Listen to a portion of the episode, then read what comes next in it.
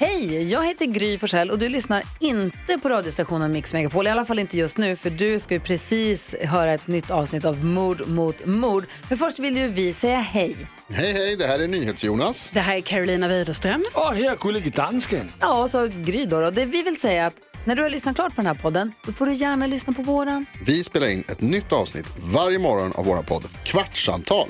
Och hela radioprogrammet blir ju också en podd om man är väldigt morgontrött eller så. Just det, om man missar morgonen ja. Men mest av allt så får du gärna lyssna på programmet i direktsändning varje morgon på Mix Megapol. Live varje morgon från klockan sex och då har vi med oss massor med vänner också. Thomas Bodström, Babben Larsson, Johan Pettersson, Christian Luuk. Massor med coola människor som bara dyker upp och gör livet bättre. Ja, som jag, gullige dansken. Exakt så. Och så mycket bra musik och annat skoj såklart. Så vi hörs när du vaknar på Mix Megapol. Radio play.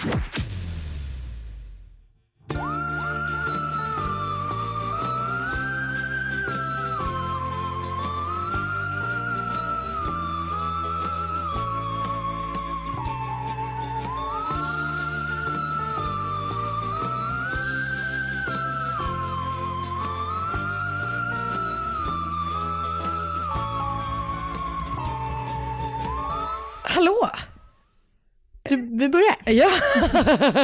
Eh, välkomna till Mord mot mord, eh, en true crime podcast av eh, dig Karin Londré och av mig Anna Sandell. Och vi närmar oss avsnitt 100 såg jag. Jag vet, det är helt avsnitt sjukt. 99. Jag måste också vänja mig vid en sak. Berätta. Av mig, Ja, Londré- Karin Londré Berggren. Sorry. Men för Men mig, jag heter kommer, ju inte det heller. för mig kommer du fortsätta vara Lond mest Alltså säg inte till. Marcus, men kanske till mig med, för mig med. Jag har heller inte skickat in papperna. Nej. Men eh, jag ska, jag ska försöka sätta sig. Men eh, jag tänker att eh, folk vet, förstår vem jag menar. Ja, ja, jo, alltså, jag förstår ju mer vem du menar om du bara säger Karin Londré. Det är bra. Än Karin Londré Berggren. Ehm, för jag har ju gift mig. Ja, grattis. Du var där. Jag var där. Det var jag, det var jättehärligt. Ja, det var typ en av de bästa helgerna i mitt liv tror jag. Mm. Det, Ehm, det känns ju skönt att det är Ja, det. exakt. Det borde ju vara det. För, ja men det känns inte som att det hade behövt vara det på något sätt ändå. Eller förstår du vad jag menar? Nej. Jag tror att det kan bli, eller att man kan bli så himla stressad, eller du vet att det bara liksom, det går ju fort. Mm. Men, men det kändes ändå som, man, det kändes som att det var en väldigt lång helg. Men eh, vad härligt. Nej, men jag, tänk, jag upplever typ att de, de jag känner som har gift sig Ja. ändå säger att all, de tyckte det var så, alltså att alla tycker att det är så fantastiskt. Men vet du vad jag också tänker att det är? Det är också den grejen att så här, att man är på en fest där alla som man typ någonsin har känt nästan, alltså alla man har tyckt om, är där. Ja, nej, det Alltså är bara otroligt. det är ju Ja, konstigt. Verkligen. Och dessutom att alla är på så här, alltså om det är någon gång man typ anstränger sig för att, alltså att det är ganska unlikely att folk beter sig illa eller är otrevliga eller sådär. För att jag tänker att man ändå anstränger sig på den typen av tillställning. Verkligen. Och jag och Marcus som har sån enorm social panik Mm. lyckades, eller typ jag hade ingen, jag hade inga sådana känslor alls. Och det vad var nog. Mm. nästan det skönaste. Ehm, att det bara var så himla skoj typ. Ja, vad härligt. Det blev precis som jag hade hoppats. Det är ju perfekt. Alltså vi hade ju, ehm, Marcus hade ju bestämt dagen innan att vi skulle ut med, att vi skulle typ käka middag med familjerna. För de har ju liksom aldrig träffats allihopa samtidigt och sådär. Typ min pappa har väl aldrig träffat Marcus pappa eller så. Och vi bara, vi skulle ju ses typ tidigt liksom. Vi tror vi träffades vid fem och bara, fan vad bra, då går vi hem i tid. Bara, nej nej, alltså det var verkligen en stökig kväll. Det är ju så härligt. Och du vet min, min mamma och Marcus mamma bondas som fan typ. Att de kom ut, vi var på någon, någon bar typ och de bara, vi, det tog lite tid, vi hamnade i ett bråk med Marcus om vilket vin vi skulle ha. Vi ville ha det här vinet, han ville ha det andra vinet. Men vi vann! Att de blev en liten sån dynamic duo. Ja, det var så jävla mysigt. Eh, men det gjorde ju också att man var, man var bakis på bröllopet. Men det, är ju ofta, det kan ju vara, typ vara ganska bra. Jag tror typ att det var Det tar udden av saker lite. Jag tror att jag hade typ brutit ihop annars. Eh, för att det... En lagom nivå av bakis. Ja exakt, man vill inte vara döende. Nej. Ja, men det Eh, var det supertrevligt, tråkigt. verkligen. Ja, jag känner mig eh, väldigt glad Vad härligt. för det. Också, vissa människor, okej nu ska jag bara säga så här. Det gulligaste nästan av alla jättegulliga saker som hände var ändå att Marcus gamla klasskompis från när han pluggade i Kalmar. Albin, hade med sig kanelbullar han hade bakat själv. Det var väldigt gulligt faktiskt. Det var så jävla gulligt. Tror du min mamma tyckte det var gulligt heller? Och han som kom med kanelbullarna. Det var ju otroligt. Jag vet. Också lite flummigt. Ja, vem kommer ens på det? En sak som jag tyckte var lite äckligt var att det var en snusskål Gud, på alltså baren. jag tyckte det var så äckligt. Också för att, för jag vill ha en ciggskål. Kla- alltså det är ändå en klassisk, klassisk Absolut. grej. Jag bara, jag vill ha en jag ciggskål. har bara sett det i glasform tidigare. Det här med skålen nu vill jag verkligen ha, jag, bara, jag vill ha en skål. Jag, för jag vill att det skulle vara som på vem av nu Olsson-tvillingarnas bröllop. De hade ju, det är det enda jag vet om deras bröllop. Eh, Mary Kate Hade de en skål? Ashley, att de hade skitmycket, att de hade en hel ciggbuffé. Ja, men det tycker jag också. Men jag, jag menar mer på presentationen. Ja, nej, men de hade- att annars de har man sett det lite så här. De hade ett gäng skålar typ. Men då Marcus, eh, snusaren bara, då vill jag en snusskål. Jag bara, okej men jag hoppas att det betyder att du kommer lägga doser i en, i en skål. Nej nej, absolut inte. Jag ska hälla ut dem. Alltså det var så jävla Det var väldigt äckligt. Ja. Och att Marcus, det också ledde till att Marcus snusade 20 snus på samma gång. Blev helt illamående yr i huvudet och sen fick vi gå hem. Jag blev ni sena den kvällen? Alltså vi var ute till tre. Eller, och andra drog ju vidare men vi gjorde absolut inte det. Nej, det kanske man, nej. Nej, men det känns eh, så himla bra. Vad härligt. Fan, det är avsnitt 99. Mm, så sjukt. Gud, vad ska Så vi sjukt. göra? Nästa gång? Ja, Ja, jag vet inte. Vi får väl skåla eller något. något får vi göra. Ja. Eh, eh, speaking of så ska vi hitta en, en dag för det också. Just det. bra, det ska vi göra. Jag har haft det Eh, på min to-do idag. Ja, men bra. Men att vi gör det, bestämma vi när vi ska göra det. Ehm, vi, gör det, vi gör det sen. Men du, hur, hur, hur mår du? Nej, men jag mår bra. Jag har haft det väldigt intensivt på mitt jobb, Ja. vilket ju är roligt och så utvecklande. Också ganska jobbigt. Det är, det är kul när man så här, att man bara, in case someone's listening. Nej, men på, fakt, faktiskt Men på riktigt ju- så ja. har jag, det är liksom spännande och intressant. Men det är ju fett jobbigt. Ah, utmattande. Eh, så att jag har varit väldigt, väldigt trött typ. Ja. Ehm, men imorgon åker jag till London. Det ska bli superkul. Kolla på dig. En, en affärskvinna mitt i karriären. Jag, jag tänker alltid hur man ska klä sig just på planet. När Okej. man är på businessresa. Man vill se lite business ut med de andra businessresenärerna. För just London känns som en så typisk businessdestination. Jag var ju på businessresa till Amsterdam Just det. eh, förra veckan. Och, eh, Amsterdam känns inte riktigt lika mycket som en Nej. businessdestination Nej. som London. men nu ska jag berätta en sak för dig. Som jag tror att du kommer känna saker inför. Ja, spännande. För det är ju intressant när man får åka till andra ställen i världen och lära sig om deras lunch. Oh, fan vad jag inte traditioner. gillar det alltså. Nu ska jag berätta för dig att på det mötet som jag var på så dukades det upp, delvis, de äter ju typ inte varm lunch, Nej. men det är väl en grej. Det är som i Norge, mackor. ja, men typ. mackor. Men, vet du vad som ställs fram? På liksom, alltså så här, det är liksom ett stort kontor, så här, jättesnyggt, fint, bra kontor. Typ. Var det sill? Nej, alltså till, till måltidsdryck. Ja. Stora karaffer mjölk. Så alla de här människorna sitter i typ sina kostymer och sånt och dricker mjölk. Det kändes som jag gick på fritids. Men alltså förlåt, jag, eh, nu kränker jag kanske en mängd personer. Kan inte ta vuxna människor som dricker mjölk på allvar. Alltså jag gillar Alltså, ju mjölk till jo men, liksom Men vad som en måltidsdryck. Alltså, Ja! Det finns ju ingenting som är så gott som ett isglas, iskallt glas mjölk när man är bakis. Ah, så gott, så gott. Jättegott. Ja. Kanske typ när man äter pannkakor. Men inte i business-sammanhang. Alltså skitäckligt. Fan vad weird. alltså, och du vet liksom just den här presentationen kändes så jävla fritids, att det var sådana karaffer. Jätteäckligt. Jag vet, det var verkligen, En verkligen det, speciellt. jag har ju aldrig druckit mjölk, liksom rent. Men vänta, vad är det du menar? Du har bara druckit sån white russian. Men typ. Nej, men jag, jag, jag gillade inte mjölk när jag var liten. Nej. Så jag drack det bara i O'boy. Ah, ja. Eller typ ah, så i då te, fattar jag liksom. Eh, men typ när jag började i nian så upptäckte jag mjölkmaskinen i skolan där det alltid var iskall mjölk. Men för det vet man fick så här, alltså ljummen mjölk Ah, är nej, nej, ju det vidrigaste som finns. Men jag, man bara, blir jag helt tycker det är något gulligt med att du upptäcker mjölkmaskinen. Ja. Att du bara? Skitgott. Skit, sån så mjölk jag loss sakna. där. Mm, Ja. Sån mjölk kan jag sakna. Det och sån här pärondryck som finns i sån här läskmaskin på Ikea. Jävligt gott. Mm, ja, det är fan gott. Men, ehm, Men alltså, i, det var också ett rykte, bara stopp, eh, bara kopplat till den här maskinen. Det var ett rykte som cirkulerade i min skola, Ja. eh, att eh, det var någon som fick en snorloska ur den maskinen. Men hur fan Då är det någon på Arla-fabriken som, Som har loskat. Men gud. Alltså, det Jag säger inte att det är sant. Nej, för det är det ju inte. Jag säger att Men det var ett rykte. Det är kul med sådana rykten. Alltså så att som bara sätter sig plötsligt. Det var så jävla man, men var det då så att det liksom folk inte drack mjölk på ett tag? Ja, Förutom de ja, riktiga freaksen. Exakt. Det är en klassisk grej. Och sen när man väl ville ha, typ som att jag älskar blodpudding. Ja. Men det kunde man ju typ inte stå för i skolan. Ah, fy fan vad det var mycket sån Mm. politik kring skolmatsalen, Bamba. Mm. Och eh, även det här eh, att man, käkade ni eh, knäckemackor med grillkrydda på? Ja, fast vi gjorde mer typ så att vi eh, värmde dem ovanför värmeljusen på bordet. Och så de liksom smö- smöret smälte lite och så lite salt på. Oh, Wow! Mm. Gud sådana finsmakare. Visst. Eh, Masterchef Bamba edition. jag åt ju väldigt sällan själv, alltså mat, eh, jag ska inte säga att jag är kräsen med maten för då kommer jag ge Oscar eh, rätt kopplat till ett bråk vi hade igår. Eh, men skolmat är ju alltid skolmat. Jag åt väldigt mycket fil och Mm. mm. Kellogg's All Bran eh, till lunch och knäckebröd. För vi hade alltid en filbuvé. Just det. En gång så spillde jag eh, min filtallrik på min frökens rygg. Det är typ ett av mitt livs största trauman. Och hur gammal, hur gammal var det? Jag tror, jag- för det- var när jag fortfarande hade Elisabeth som alltid hade läppstift på tänderna. Ja. Så det var i mellanstadiet, så alltså max 12. Oh, mellan, mellanstadiet typ sämst Ja. tid för det.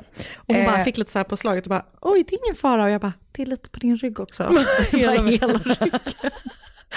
Men mitt problem var snarare tvärtom, alltså att jag gillade skolmaten för mycket, för det var ju väldigt fult. Ja. Så man var tvungen att vara så här, "Åh, Och sen bara åh", och så, ändå- så bara, åt man i hemlighet typ. Ja.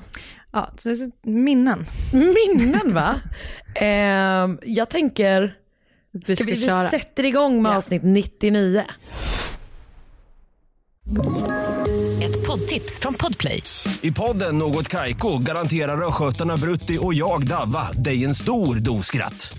Där följer jag pladask för köttätandet igen. Man är lite som en jävla vampyr. Man har fått lite blodsmak och då måste man ha mer. Udda spaningar, fängslande anekdoter och en och annan arg rant. Jag måste ha mitt kaffe på morgonen för annars är jag ingen trevlig människa. Då är du ingen trevlig människa, punkt. Något Kaiko, hör du på Podplay. Därför är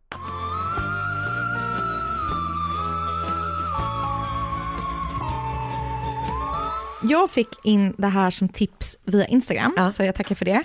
Eh, det är eh, som vanligt hemskt, liksom, och det är så hemskt på olika sätt, för det är ju ett mord, men det är också, Ja. du fattar. Eh, jag börjar. 1994 födde Elizabeth Dean och hennes man Sonny deras andra dotter, en flicka som döptes till Miranda Dean. Okej. Och de bor i eh, North Pole, Alaska. Wow. Mm. Vänta, är, handlar det här om tomten och tomtemor?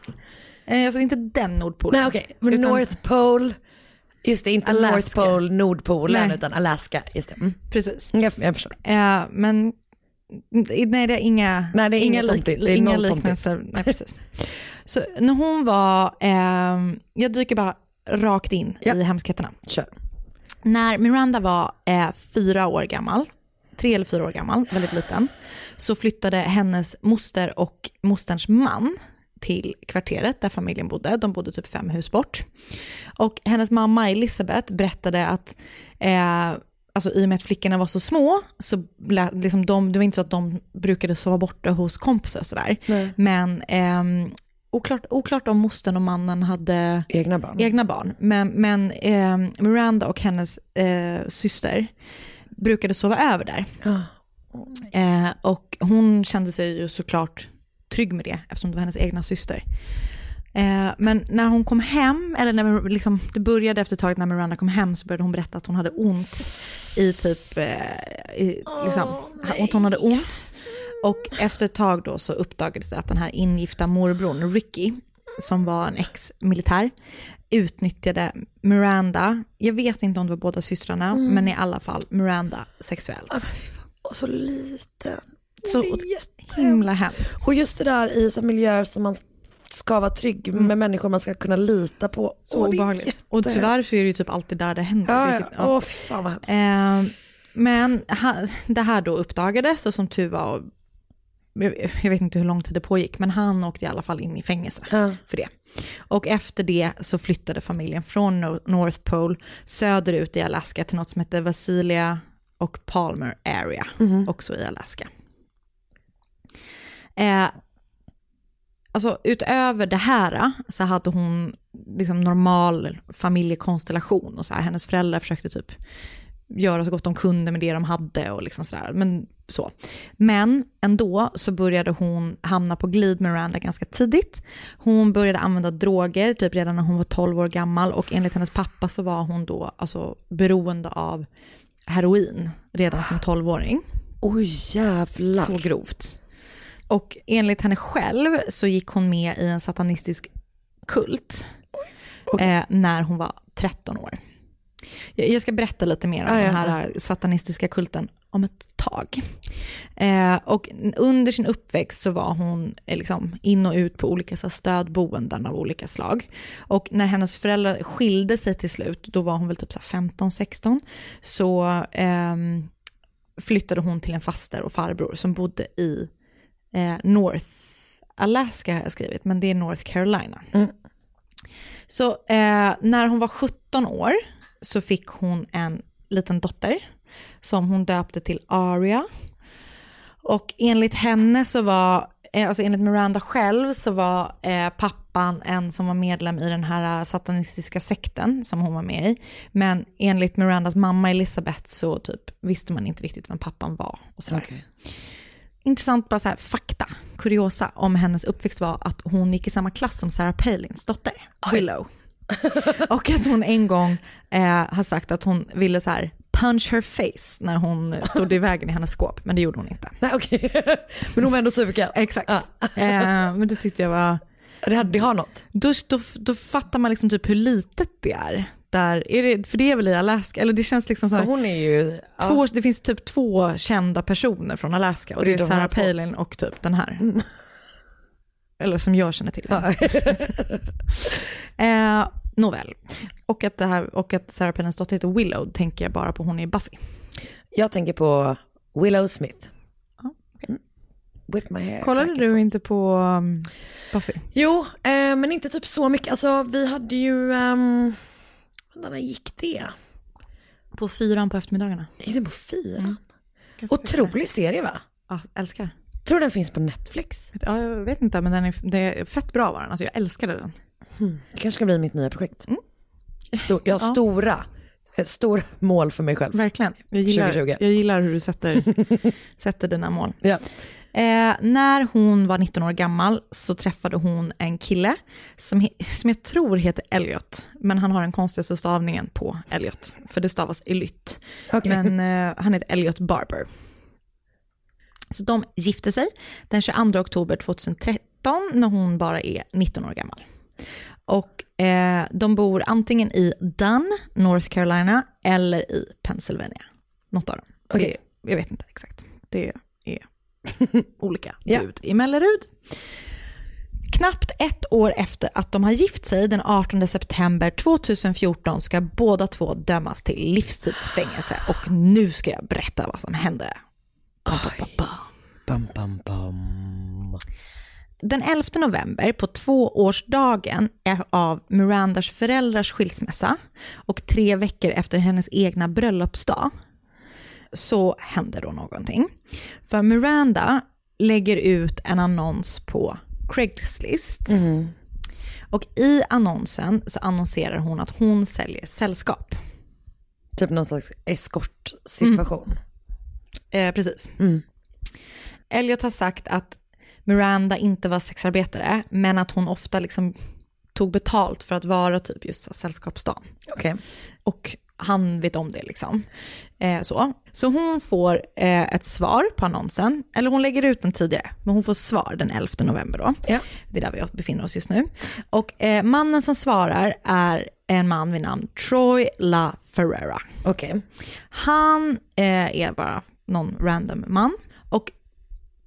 Även om Miranda då tidigare har lagt ut sådana här annonser och träffat män på det här sättet så är det någonting annorlunda med den här kvällen. För hon har liksom gjort det här i samråd med Elliot. De har lagt ut den här annonsen tillsammans. Ja. Och eh, när hon då åker för att möta Troy till deras, liksom, de har bestämt träff på typ en parkeringsplats. När hon åker så följer Elliot med. Han lägger sig i baksätet och sen så drar de liksom.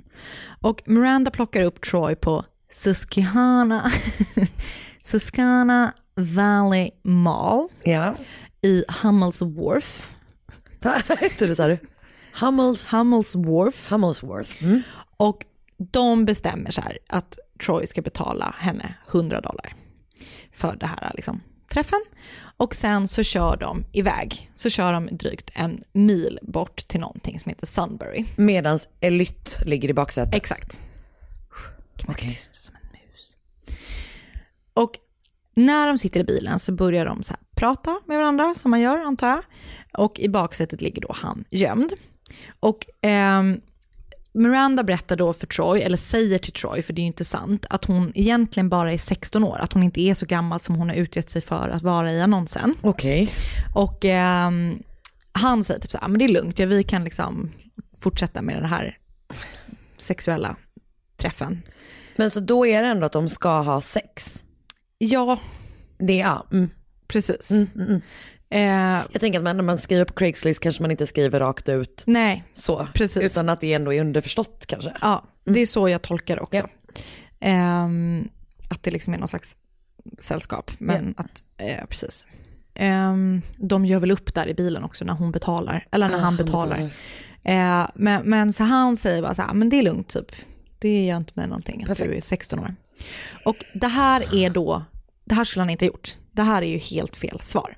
För att Miranda och Elliot har typ sagt så här att om han säger svara fel Ja. på hennes frågor eller påståenden så ska Elliot dyka upp och strypa honom bakifrån. Som liksom straff för att han har då sagt att det är okej att hon är 16. Okej. De har också ett kodord som skulle ge Elliot en signal om när mordet ska ske. Och utöver det då att han ska svara fel på frågorna, eller vad man ska säga. Och så när Miranda sa orden “Did you see the stars tonight?” ska han då strypa Troy. Men när det här händer då i bilen, så istället för att göra det som de har kommit överens om, nämligen att Elliot ska då strypa och mörda den här mannen, så fryser han, så han gör ingenting. Nej. Så Miranda har då med sig en kniv i bilen.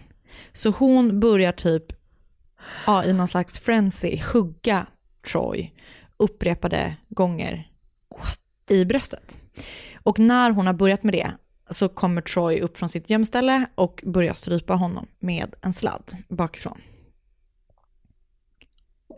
Vad Det är så jävla det som sjukt. händer? Ja. Eh, så totalt blir Troy huggen 20 gånger i hennes bil, en Honda.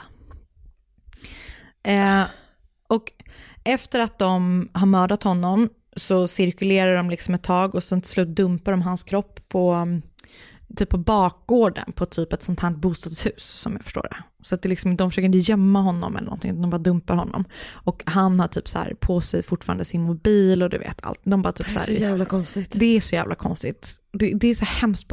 Men, ehm, och efter att de har dumpat kroppen så åker de då någonstans för att typ så här köpa städmedel. För alltså, de har ju mördat en person i bilen Ja. med kniv. Liksom. Det är Det är blod överallt. blod överallt. Ja. Och efter att de har städat bilen så åker de för att fira mordet på en strippklubb. Ah, perfekt. Så elva dagar senare så hittas Troy. Alltså den 22 november hittas han eh, då mördad. Men nu låter det så konstigt att han har då lagts på den här platsen. Men Men han kanske las liksom dolt, mer dolt på Ja, så en var sån det. gård. Liksom. så var det. Ehm, och när polisen då började, vet så här, okej, här har vi en mördad man, jaha, här har vi hans telefon, titta i telefonen, okej, här har han haft kontakt med den här Miranda Barber. De liksom ganska snabbt Ah. hittar henne. Knyter ihop. Och eh, de bara, vad är det som har hänt? Typ. Och i början så förnekar ehm, Miranda och Elliot allting. Liksom. Och eh, en podd som jag har lyssnat på som heter eh, Murder Pod, tror jag att den heter bara. Bra jag, ska, jag, har, jag ska berätta sen exakt Ja. vad den heter. Ehm, så så är liksom förhöret uppspelat och då är hon alltså, hon verkligen, hon bara I'm so offended, bla bla bla bla bla. Alltså hon verkligen kör förnekningsbiten liksom.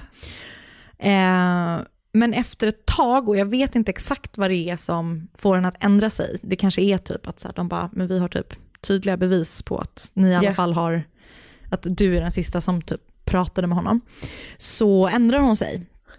Och då så börjar hon först typ så här, ja, okej, men det var självförsvar, för han har typ ta- tag, tagit mig på ett sätt som inte var okej i bilen. Det, och det kanske han gjorde, det vet ju, det Nej. vet ju ingen annan än dem. Eh, och ehm, så hon säger att det då är självförsvar. Och att hon var så här, han trodde att jag var 16 och ändå så typ gick han du vet, vidare med det här och bla bla bla. bla. Och det är ju vidrigt, Mm. eh, men också eh, de ville ju uppenbarligen ha den här reaktionen. Alltså de ville Ja. ju ha någon att mörda liksom. Precis, för att igen efter ett tag, det är liksom den första biten. Ja. Sen säger de igen bara så här, nej men okej vi ville bara mörda någon, det här Ja. var liksom planerat från vårt håll. Och så typ använder de det som något slags så i deras Mm. typ galna state of mind. Exakt. Som ett, eh, en bortförklaring. Precis. Eller en anledning typ. Så eh, Elliot, enligt Elliot då, när de väl hade börjat erkänna, så har de länge, jag vet inte, de har varit gifta i tre veckor, jag vet inte hur länge de liksom har varit ihop och hunnit prata om det här, men de har länge planerat att de eh, vill mörda någon ihop liksom. Du vet den här efter tre veckor man börjar bli lite trött på sitt giftermål. Exakt. Man måste spice things up. Så jävla sjukt. Mm. Ehm, men, och att så här, de, så de har, de har planerat och försökt för det här länge, men det har inte klaffat innan. Typ den här annonsen som de har lagt upp har de fått svar på. Men att när de väl har åkt för att träffa de här männen som har svarat så har de inte dykt upp på platsen. Så det är först med Troy som det, liksom, det här tillfället öppnade upp sig. Och eh, när Miranda väl har erkänt mordet på Troy så börjar hon också berätta om flera andra mord som hon påstår sig ha begått. Nej. Hon erkänner, eller hon säger så här, jag har åtminstone mördat 22 personer. Mm. Men att hon vid 22 slutade räkna. Men att hon på en karta kan liksom peka ut, Andra. du vet, här var det, typ så. Vad i helvete? Ja, så konstigt allting. Det första mordet begick hon enligt henne själv när hon var en del av den här satanistiska sekten. Japp. För då som 13-åring när hon gick med i den så blev hon då eh, approachad av en man som var dubbelt så gammal som hon. Alltså det, då tänker man ju att någon är riktigt, riktigt gammal. Bara- Men hon är ju superung för den här, han är ju det, 25. är, det är också så jävla stört att man bara 13 år gammal, jag ska nog gå med i den här satanistiska sekten. Så jävla hemskt. Börja spela basket. Alltså verkligen, och slu, sluta på heroin, börja spela basket. Ja usch. Det är för jävla Hon har verkligen sorgligt. hamnat på ja, det är sånt glid. jättesorgligt. Alltså det, det, det är, hon är ju uppenbarligen Supertrasig. supertrasig. Det är så jävla hemskt. Ehm, så jävla hemskt alltihopa. så den här mannen då, eh, man vet bara, han kallas bara för Forrest. Ja. Eh, han liksom drar in Miranda i det och de inleder en relation, eller man kanske mer ska säga att han typ utnyttjar henne. Ja. Ehm, han ska enligt henne ha sagt att så här, jag äger dig nu, från och med den stunden de träffades. Och enligt Miranda ska han ha ristat in en svastika i hennes nacke, varför han nu Bara som någon... valde det, liksom Ja. så. Och inte 666 eller, jag vet inte. Han kanske var en sån störig som bara, du vet väl om att det är en gammal... Sol. Ja exakt. Fan. bara, Fan ja och vet du också om att det är nassarnas Alltså, jävla symbol. En sjuk grej med det Ja. är att på stadion som ligger här borta, Ja. Där på läktarna så är det svastikor eh, som är väl då från liksom innan, jag vet inte när stadion är byggd. Helt sjukt när jag upptäckte det i alla fall på en idrottsdag i typ femte klass. Ja. Och man typ knappt vågade titta Det på det. kändes som att du var, du vet en, vad är det, OS i München. typ. vad det var. Eh, på Instagram. Ehm, så han ristade in den här då och så, du vet, han ristade in hans namn på typ hennes ben och så här.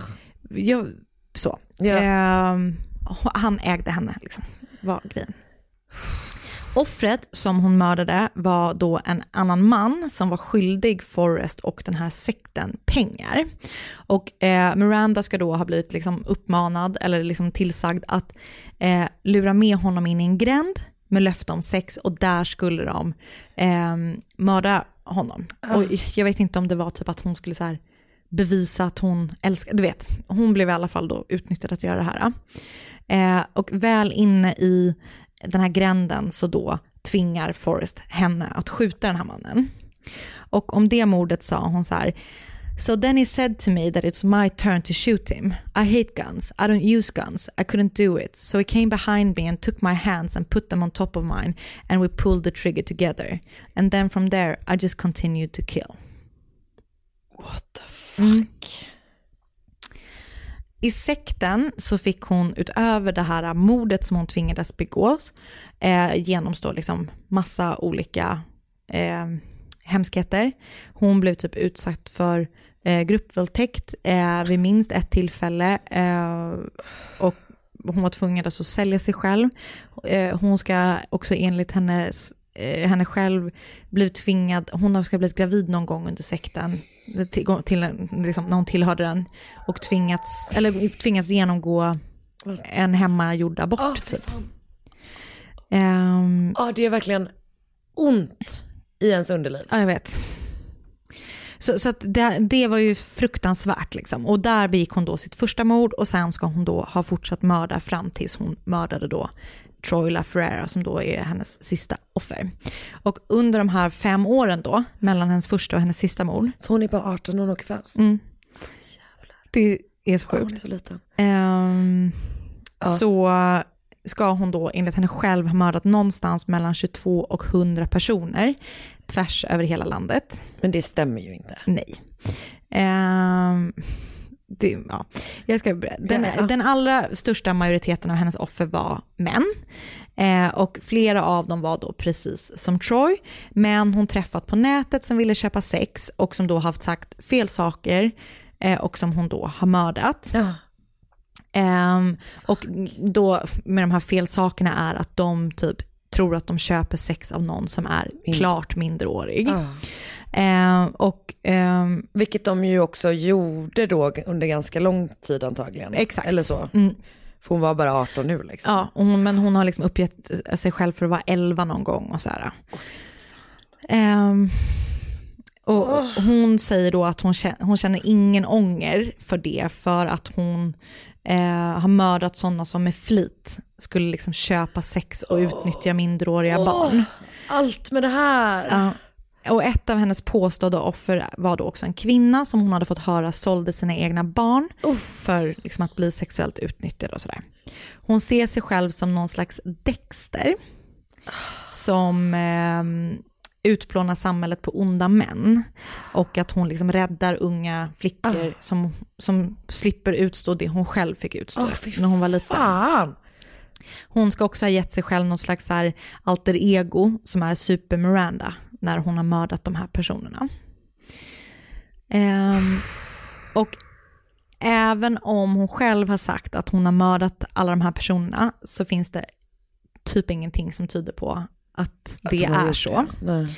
Eh, hennes familj säger att de inte alls liksom blir förvånade om allting är en lögn. Och hon ska liksom också ha du vet, mördat i så massa olika delstater och så här, Ja. typ hon ska varit i Kalifornien och så här. Det, det låter typ inte rimligt utan det låter som en otroligt trasig person som kanske typ har fantiserat om, Ah. det här är min hobbyanalys nu, men som Ah, ja. typ har fantiserat om att göra det för att hon vill väl kanske, eller du vet, Ja. hon vill väl hämnas för det som hon själv har fått utstå typ. Och uppenbarligen har hon ju gjort det en gång. Ja, exakt. Hon Eller- har ju mördat en person.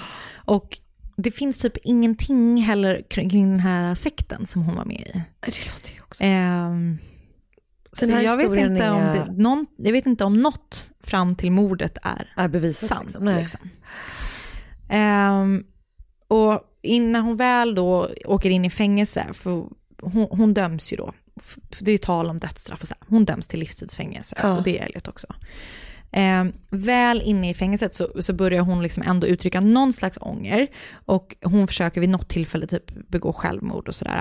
Men hon mår inte dåligt för det hon har gjort, i liksom att hon har mördat Troy eller vad han har utsatt hans familj för. Men hon har sjukt mycket ångest för vad hon har utsatt sin egna familj för. Och att hon aldrig kommer få träffa sin eh, dotter och sin man Elliot då igen. Eh, ja, Och han döms också. han döms också. till livstid med. Ja. Ja. Och det är så hemskt när man ser de här bilderna på dem, för de ser så unga ut. Och de är verkligen... ehm, det är så hemskt, för det är ju en person som har dött. Men det är också så hemskt att den person som har... Det är liksom, allting är så trasigt. Ja. Ja, fruktansvärt. Så det var historien om, hon kallas också för Craigslist killer. Ja. Eh, det finns ju flera som heter det. Ja. Men eh, det var Miranda Barber och eh, jag har fått eh, information på, från Murderpedia, Ja. Wikipedia, en artikel som heter Exclusive Craigslist Killer Miranda Barber tells how and why she killed på newsweek.com. Och sen en podcast då som heter eh, Murder. Men gud, jag har en länk, men vänta. Häng kvar. Murderpod. Jag tror den heter så. Så bra namn. Det är så tydligt vad det är. Verkligen. Den heter Murderpod. Miranda, Miranda and Elliot Barber, The Craigslist Thrill Killers. Jävlar. Mm. Vad sjukt. Ja. Men också så obehagligt att man inte, eller, eller så här, om det fanns en möjlighet att, att alltså, om polisen trodde att det var sant Mm. och hon ändå så här gick ut med var hon hade, alltså du vet så här, då hade de ju kunnat knyta någonting åtminstone Mm. och då hade hon ju varit i rättegång för det antagligen. Nej, det finns att jag ingenting. tänker att i och med att det är så många så hade de ju inte varit så här, ja men hon sitter ändå där hon sitter. nej, nej, liksom. nej, nej. Utan då hade man ju gått vidare med det. Mm. Det där var, Och hon sa, säger själv att hon så här, bara, jag är lite irriterad på den här, liksom, att jag har någon slags obsession med Dexter. Det är inte sant. Jag gillar mycket bättre American Horror Story. Och man bara, okej. men, bara, men det är ingen som ifrågasätter din smak på tv-program. Eh, Jävlar, vad ja, sjukt. Så sjukt. Och så små. Jag vet, och allt är ja. jättehemskt. Det är vidrigt. Oh, Tack. Tack. Ett poddtips från Podplay. I podden Något Kaiko garanterar östgötarna Brutti och jag, Davva, dig en stor dos skratt. Där följer jag pladask för köttätandet igen. Man är lite som en jävla vampyr. Man har fått lite blodsmak och då måste man ha mer. Udda spaningar, fängslande anekdoter och en och annan arg rant. Jag måste ha mitt kaffe på morgonen för annars är jag ingen trevlig människa. Då är du ingen trevlig människa, punkt. Något Kaiko, hör du på Podplay. Därför är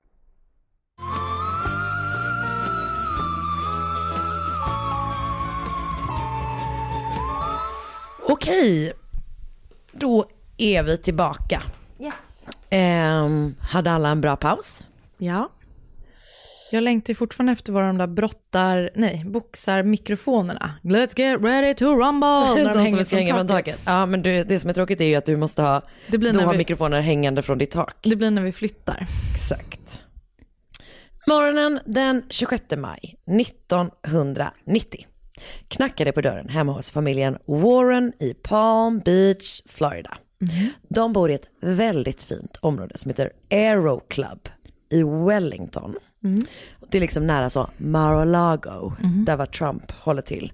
Eh, och det het, verkar heta Aero Club för att det är alltså ett område som har en privat startbana för flygplan. Åh, älskar sånt. Dröm. Japp, eh, och jag tror att typ bland annat Madonna, Springsteen och Vanilla Ice Bra har blandning. åtminstone hus där. Eh, även Glenn Close, jag var inne och lä- kollade, läste på lite grann. Nice. Så det är liksom riktigt fint. Och den här morgonen är då mamma Marlene som är 40 år så, och sonen Joey och några av hans kompisar, jag tror att han har tre kompisar, de är hemma. Det är strax innan klockan 11. Och Marlene går då för att öppna dörren. Och utanför så står en clown. I liksom full mundering. Det här är inte bra för er som har clownfobi. Nej. Eller det är snarare, det är KBT-lektion för er. Exakt. Jag kommer inte ha några bilder på clownen i alla fall. Eh, ja men det är liksom full dräkt, peruk, smink, näsa, alltså alltihopa liksom.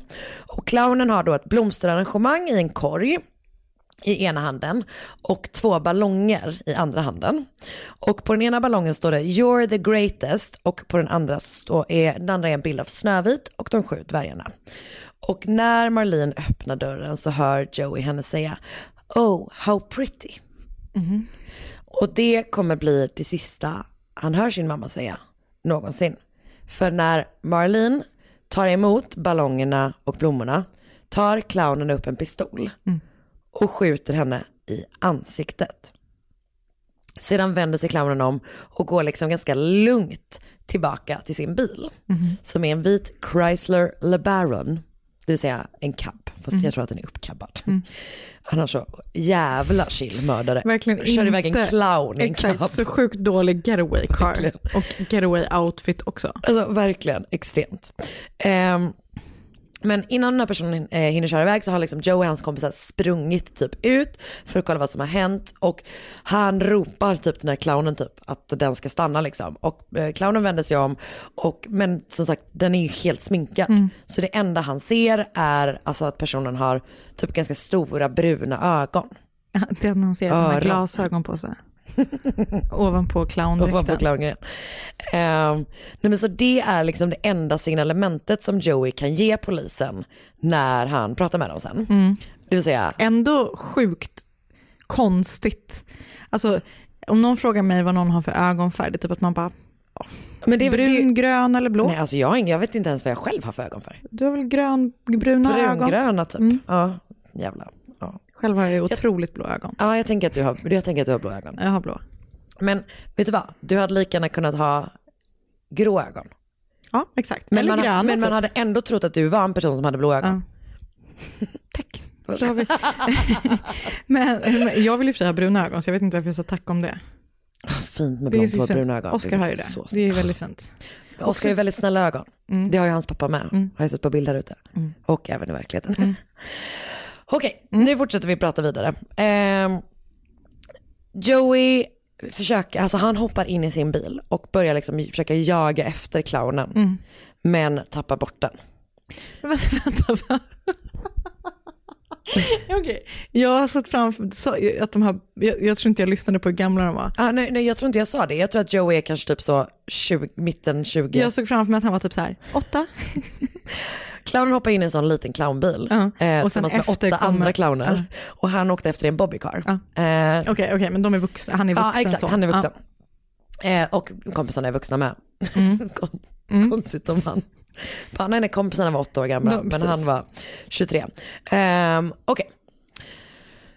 Och eh, han försöker då jaga efter sin mammas mördare i sin egen bil men tappar bort dem. Och när han kommer tillbaka så har en granne ringt en ambulans, Mm. ambulansen är där. Och Marlene lever fortfarande, Mhm. hon körs till sjukhuset eh, och är liksom på life support. Men man kommer, hon kommer dö typ tre dagar senare. Mhm.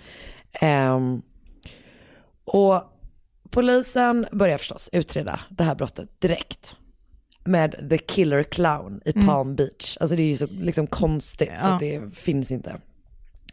Och bara ett par timmar efter att skottet har gått av så får de ett anonymt tips.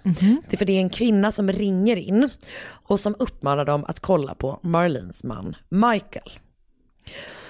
Och inte bara på honom. De är gifta fortfarande. de är gifta. Och, men de, den här tipsaren säger inte bara till dem att kolla på honom, utan uppmanar dem också att kolla på en kvinna som heter Sheila Keen. Som jobbar, Damn you Sheila. damn you Sheila. Eh, och Sheila jobbar för Michael på hans car dealership. Bargain Motors. That bargain motor took him all the way to Aeroplane. Pl- Paluma Club. Club. Kul också att bara att bo på ett ställe som heter något med club, det är så, jag vet inte, Aero Club. Eh, Okej. Michael var Marlins andra man och hon hade varit gift en gång tidigare när hon var väldigt ung och i det äktenskapet så fick hon två barn. Men hon var bara 20 år när hon träffade Michael och jag tror att de, om de träffades 72 eller om de gifte sig 72. Och då var liksom hennes söner John och Joey väldigt små, så de växte liksom upp med Michael som sin pappa. Det var liksom, de, det, var, det, var, det var deras pappa. Ehm, och Marlene och Michael äger då ett antal olika företag, bland annat då den här bilhandlar ehm, businessen som han jobbar med. Eh, hon jobbar framförallt med att sköta allt kring deras uthyrning av, alltså de äger massa olika fastigheter. Och hon jobbar ganska mycket med Det det. är lukrativt. Ja exakt. Ehm, och sen äger de också några galopphästar. Mm. Och tydligen ett eget flygplan. Men det tänker jag kanske bara är för att man Det har det i Aero. Club liksom. Mm. Så att uppenbarligen går det ju sjukt bra för att de bor på det här, i det här super super fancy området Mm. liksom. Så i slutet av 80-talet så flyttar de till Aero Club. Men hösten 88 1998 så inträffar liksom en stor tragedi i den här familjen när John, som jag tror är parets yngsta son, han dör i en bilolycka när han bara är 22 år gammal. Och Joey då som blir kvar, eh, han kommer senare säga att det var liksom att i samband med det eller efter det som föräldrarnas äktenskap liksom började krackelera typ. För Michael drar sig liksom undan från familjelivet mer och mer. Han söker tröst hos Sheila. Ja, alltså seems like it. Ehm, så de ser liksom inte så mycket av honom och det blir liksom värre och värre och det blir mer och mer infekterat dem emellan. Och det kommer bli så illa typ att Marlene vid något tillfälle ringer sin mamma och säger så här att om något händer mig så är antagligen Michael ansvarig. Jävlar. Japp. Då vet man att man typ ska get the hell out of Ja there, jag vet och mamman är typ så här, men kom hit, hon bara nej men jag, jag tror att vi, vi kommer lösa det liksom. Så hon har väl ändå liksom någon slags, alltså hon tror att, att det ska gå men hon säger typ att hon misstänker att han har en affär och liksom, det, är, det är inte bra typ. Så det finns liksom helt enkelt mycket som tyder på att Michael då kan ha varit inblandad i sin frus död. Det är också så att det man säger om det här är att så här, om de skulle skilja sig så hade det varit liksom a big messy divorce. För att de äger väldigt mycket tillsammans, hon står på alla saker, alltså det, de har de här fastigheterna, alltså det hade, varit, det hade blivit liksom Det hade ju inte varit- infekterat. eh, för att det är så jävla mycket pengar inblandat liksom.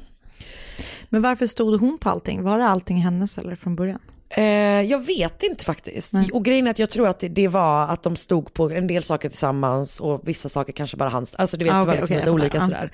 Men hon liksom var ägare till flera, flera olika delar av deras business typ.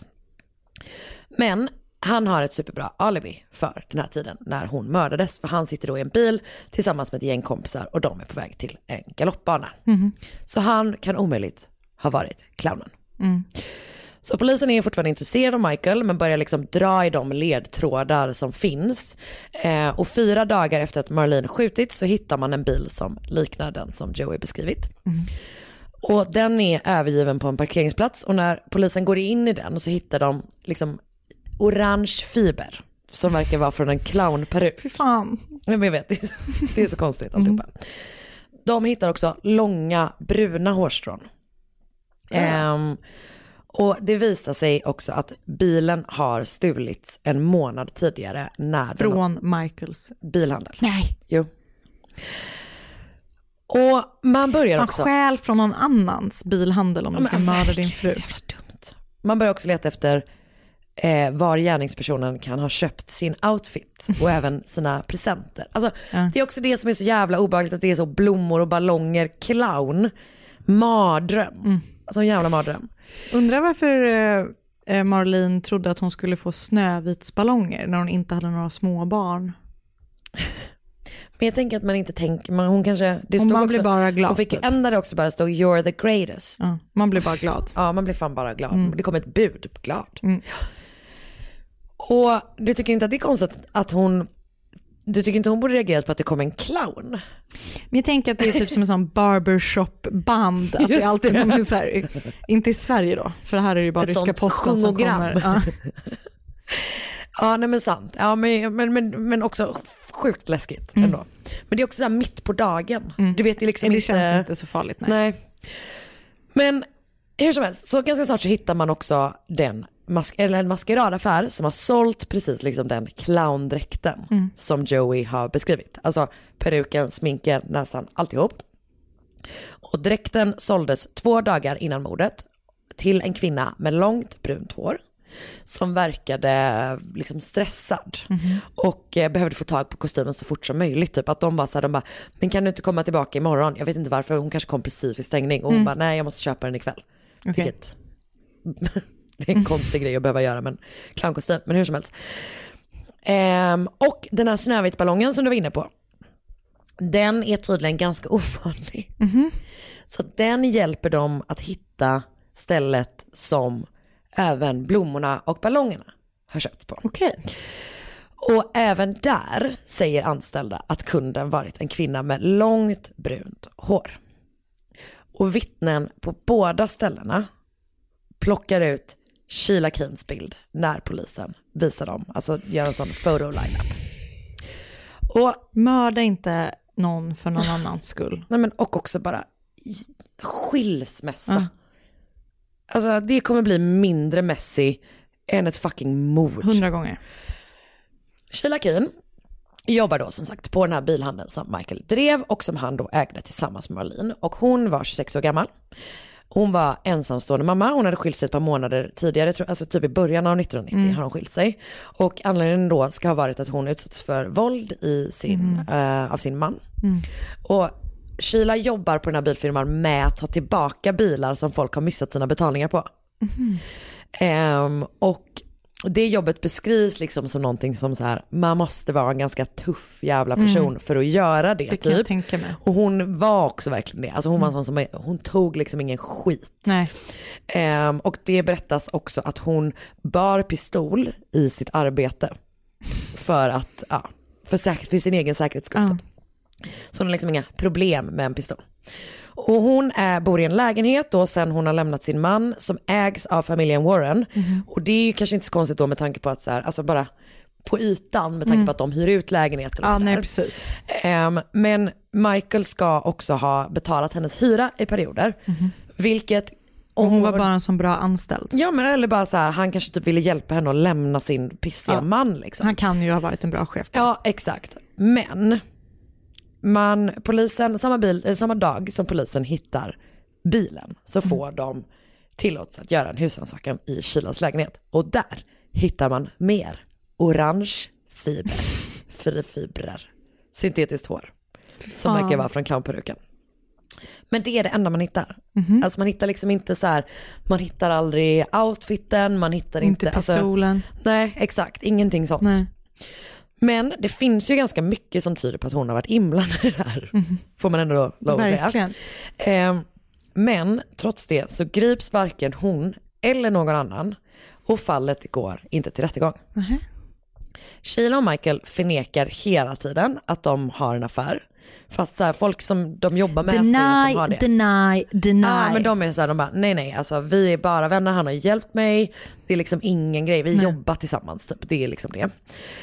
De säger att de bara är kollegor. Ehm, så trots att liksom Marlins familj ligger på, trots att det finns gott om så här indicier, typ bevis.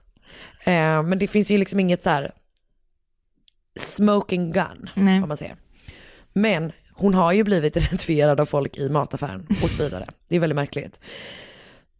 Så blir det här fallet kallt. Mhm. Och polisen liksom lägger det på hyllan och det kommer förbli kallt länge. Mhm. Med det sagt så kommer Michael Warren ändå befinna sig i en rättegång inom en snar framtid. Okej. För 1992 så anklagas han för racketeering, vilket Mhm. väl typ är bedrägeri tror jag. Men när jag översatte det så eh, översattes det alltså till skojeri. och även svindleri. Det är Så ju- fiffel och båg. Ja det är, fan, det är verkligen fiffel. Eh, vilket också är så jävla, förlåt, men inte för att vara en sån, inte för att vara stereotypisk bilhandlare, men what the fuck Ja, dude. verkligen. Och det han har gjort är bland annat då att han, alltså att han har mixtrat med du vet, de här mätarna som säger hur långt en bil har Men gått. gud, han är som Matilda i Roald Dahls böckers pappa. Ja, han är verkligen eller sån. sågspån i... eh, Verkligen Åh. oh. stereotyp jävla bilhandlare. Gud, jag älskar den boken. Ja fy fan vad bra. Åh, vad roligt. Och också häxorna. Ja, men den var så jävla läskig Åh, bara. så jävla läskig. Också så bra. Och SVJ. Mm. Nej, den, den var inte min bok. Alltså jag, aldrig jag tror inte jag läst den. Den är säkert jättebra. Jag, det var inte så. Det var, Jag bara, var du emot den stora vänliga jätten? nej men jag har aldrig läst den. Ja, Jag fattar. Ja, Jag fattar. Du, du var literally inte din bok, för Nej, du exakt. hade den inte. Nej, jag Exakt. Mm. förstår. Okej, även så han döms då för skojeri, han har mixat med de här mätarna, han har sagt att bilar som han har sålt har blivit stulna och fått ut försäkringspengar, alltså du vet sådana saker. Mm. Så han döms till hela nio års fängelse. Mhm. Åker in 94, kommer ut igen den 31 december 97. Mm. Så då har han suttit i tre år och nio månader. Sen försvinner han och vi kommer inte höra något mer, mer något om varken Michael eller Sheila på ganska många år. Mhm. Inte förrän 2014.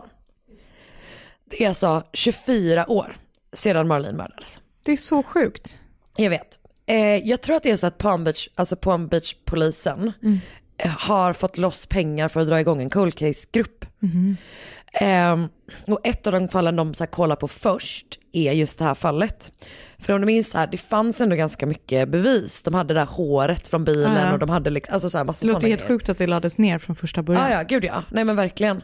Ehm, Och eh, de hade, hittade ju liksom fiber då i hennes lägenhet från, som de trodde kom från den här peruken och liksom sådär.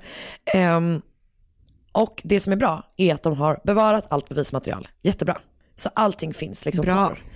Vilket alltid gör en glad för att det finns typ inget mer frustrerande. Nej, och det bara, känns typ inte så vanligt det heller. Nej, exakt. Ehm, så nu finns liksom stora möjligheter att utreda det här brottet med modern forensisk teknik. Coolt. Jag måste bara göra en instickare. Vet du vad som hände på tv precis? Nej. Det var en det flick- Master- är det Masterchef Junior? Det var en flicka som var så här. Jazz hands, jazz hands.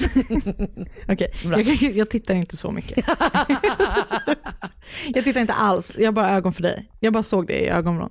Jazz hands. Du lägger märke till ett par jazz hands på mils avstånd. Det gör jag. Jag, kan, jag, jag behöver inte ens se dem, jag känner. Rätt. Du känner dem i själen. Okej, Ja, sorry. snart kan man konstatera att Shilas DNA går att koppla till håret som man hittar i bilen. Såklart. Ja, och eventuellt också något som man hittar på Har de- Jag förlåt. vet inte riktigt. Instick, har de sen inlett en relation? Fast liksom lite lagom långt efter? Vi kommer till det. Okej, okej, okej. Man bestämmer sig Folk är så jävla obvious, jag orkar inte. Jag vet, jag vet. Alltså hur kan man ens med och vara så obvious? För man bestämmer sig då för att ta reda på var Sheila befinner sig nu och snart hittar man henne. Hon har bott i Kingsport, Tennessee, Mhm. där, hon driver, där hon drivit snabbmatsrestaurangen Purple Cow. Fan vad de har softa jobb alltså. Jag vet, tillsammans med Michael. Michael Warren. 2002 har då hon och Michael, två personer som absolut inte hade en affär, 1990, gift sig i Las Vegas. Och sen dess har de liksom levt tillsammans. Eller sen, sen han kom ut tror jag att de har levt tillsammans. Hon heter numera Warren i efternamn, Jag orkar inte. men hon kallar sig för Debbie. Ja, jag vet, det är verkligen också, man bara vad fan. Att de inte ens kan låta bli att gifta, eller du vet, det är liksom så här. Verkligen. Nej, det jag vet. Mm, ja, nej det är verkligen. Så de driver den här hamburgerrestaurangen då, eh, Purple Cow. Men eh, de säljer den någon gång i mitten av 2010-talet eh, och flyttar till Washington County tror jag. Och det är också där som Sheila Keen Warren grips den 26 september 2017. Det har alltså gått 27 Fan vad stört. år efter, alltså efter mordet. Och hon placeras i häktet i Palm Beach, alltså hon lämnas liksom ut från Virginia. Eh, placeras i häktet i Palm Beach och när polisen griper henne frågar hon Is my husband under arrest too? Nej. Och där sitter hon fortfarande. Aha. Det har inte varit någon rättegång än. Nej. Och eh, åklagaren yrkar på dödsstraff. Sheila påstår att hon är oskyldig. Michael har inte gripits. Nej. Och rättegången skulle ha blivit av nu, eller man skulle ha börjat med sån jury selection nu i januari 2020. Men det har varit något jävla kaos kring typ så här, de försöker lura rätten att de inte har några pengar så att hon ska slippa betala för typ sin egen försvarare utan att det ska gå från någon fond istället. Men det har visat sig att de har skitmycket pengar. Eh, och bara du vet så här, de har något jävla du vet så river, eh, alltså något hus vid fl- någon flod i Virginia och äger fler fastigheter och sådär. Konstigt att försöka ljuga om det. Det borde ju Nej, jag vet, så verkligen de försöker gå. svindla, återigen är de tillbaka i skojeriet. Ehm, så att de, liksom, de anklagas för liksom, typ bedrägeri eh, gentemot rättssystemet. Som sagt, jury selection skulle ha varit sjukt. i januari i år, men nytt datum för rättegångsstart är 29 maj 2020. Mhm. Det är alltså 30 år sedan. Jävlar vad stört. Eh, det är nästan precis 30 år sedan. Också det var den sjukt att de 26 som, maj. fyller 1900, de som är födda 1990, alltså bara ett år yngre Ja. än jag, fyller 30 år. Men att 90-talisterna börjar fylla 30. Ja. Okej, bara instick. De är instick. gamla som fan. Mm. Ehm, ja, så nästan på gud. dagen 30 år så kommer den här rättegången börja. men okej, men då får du väl uppdatera oss Jag då. tänker det. I augusti eller vad det kan bli. Ja men precis, eh, lite längre fram där. Mm. Eh, om det inte blir uppskjutet igen, för det har liksom hänt flera gånger. Men det är också lite störigt att eh, han inte... Jag vet. Man bara, det är klart att han i alla fall har... Ja, han har ju bett henne om det här antagligen. Ja, eller de har liksom hittat på det här tillsammans. Mm. Men jag antar att det helt enkelt inte finns någonting som går att bevisa med det. Men för det jag tänker är ju att så här, om man nu inte ville att ens fru skulle bli mördad, så hade man då sen inte varit tillsammans med Mm. Nej. personen som det fanns så många så starka indicier mot liksom. Nej. Fan vad sjukt. Ja visst är det konstigt. Tack. Killer clown, just det. Jag har fått info från eh, Också konstigt att det var en kvinna, alltså att, att, att, att, eh, att man inte såg, att man inte bara ja, säger jag det vet men jag tror att hon är ganska lång. Men för har hon det var- stora bruna ögon? Ja, det, hon är extremt vacker om jag får säga det själv. Men när, varje gång jag säger att, hon har stora, att man har stora bruna ögon så tänker jag bara att det är en ko. Jag tänker på Bambi typ. Ja, ja. Ja. Okej, så jag har fått info från... Koögon känns ju inte så attraktivt. Dissekerade ni ko? nej, gjorde ni det? Mm. Oj, grovt. Men jag tycker kor har jättefina ögon. De är så här glosögda, är de inte det? Ja, det kan vara det fint kan för de väl inte vara? Vänta, vad är glosögda? När det är lite put på Jaha, jag har tänkt att det är att man ser eh, äm, skel. Och jag bara, det kan de inte göra. För deras ögon sitter på varsin sida. Då kan de ju skela asbra. Okej, jag har fått info från ett for, eh, eh, 48 hours avsnitt som heter The Clown Did It. Som man kan se i Sverige, så eh, kul. jag länkar det. Ja. Från Criminal Discourse Podcast. Okej, gud från vilken, en- vilken vuxen den lät jämfört med min. Murderpod. Murderbot, Criminal Discourse. Och från en artikel på WPTV.com som har rubriken Trial set for woman charged in 1990 Wellington killer clown case. Bra. Det där var mordet på Tack snälla. Marlene Warren, the killer. The killer clown Sheila. Thanks. Sheila är ett riktigt dåligt clownnamn. Ja. Bättre mördarnamn höll jag på att säga. Ja. Bättre namn för en person som driver en snabbmatskedja eller snabbmatsrestaurang som heter Purple Cow. Verkligen. Tack för den här veckan. Tack så jättemycket för den här veckan. Vi hörs nästa vecka för avsnitt nummer 100! Ja! Ett poddtips från Podplay. I fallen jag aldrig glömmer djupdyker Hasse Aro i arbetet bakom några av Sveriges mest uppseendeväckande brottsutredningar. Går vi in med hemlig telefonavlyssning och, och då upplever vi att vi får en total förändring av hans beteende. Vad är det som händer nu? Vem är det som läcker? Och så säger han att jag är kriminell, jag har varit kriminell i hela mitt liv men att mörda ett barn, där går min gräns. Nya säsongen av Fallen jag aldrig glömmer på Podplay.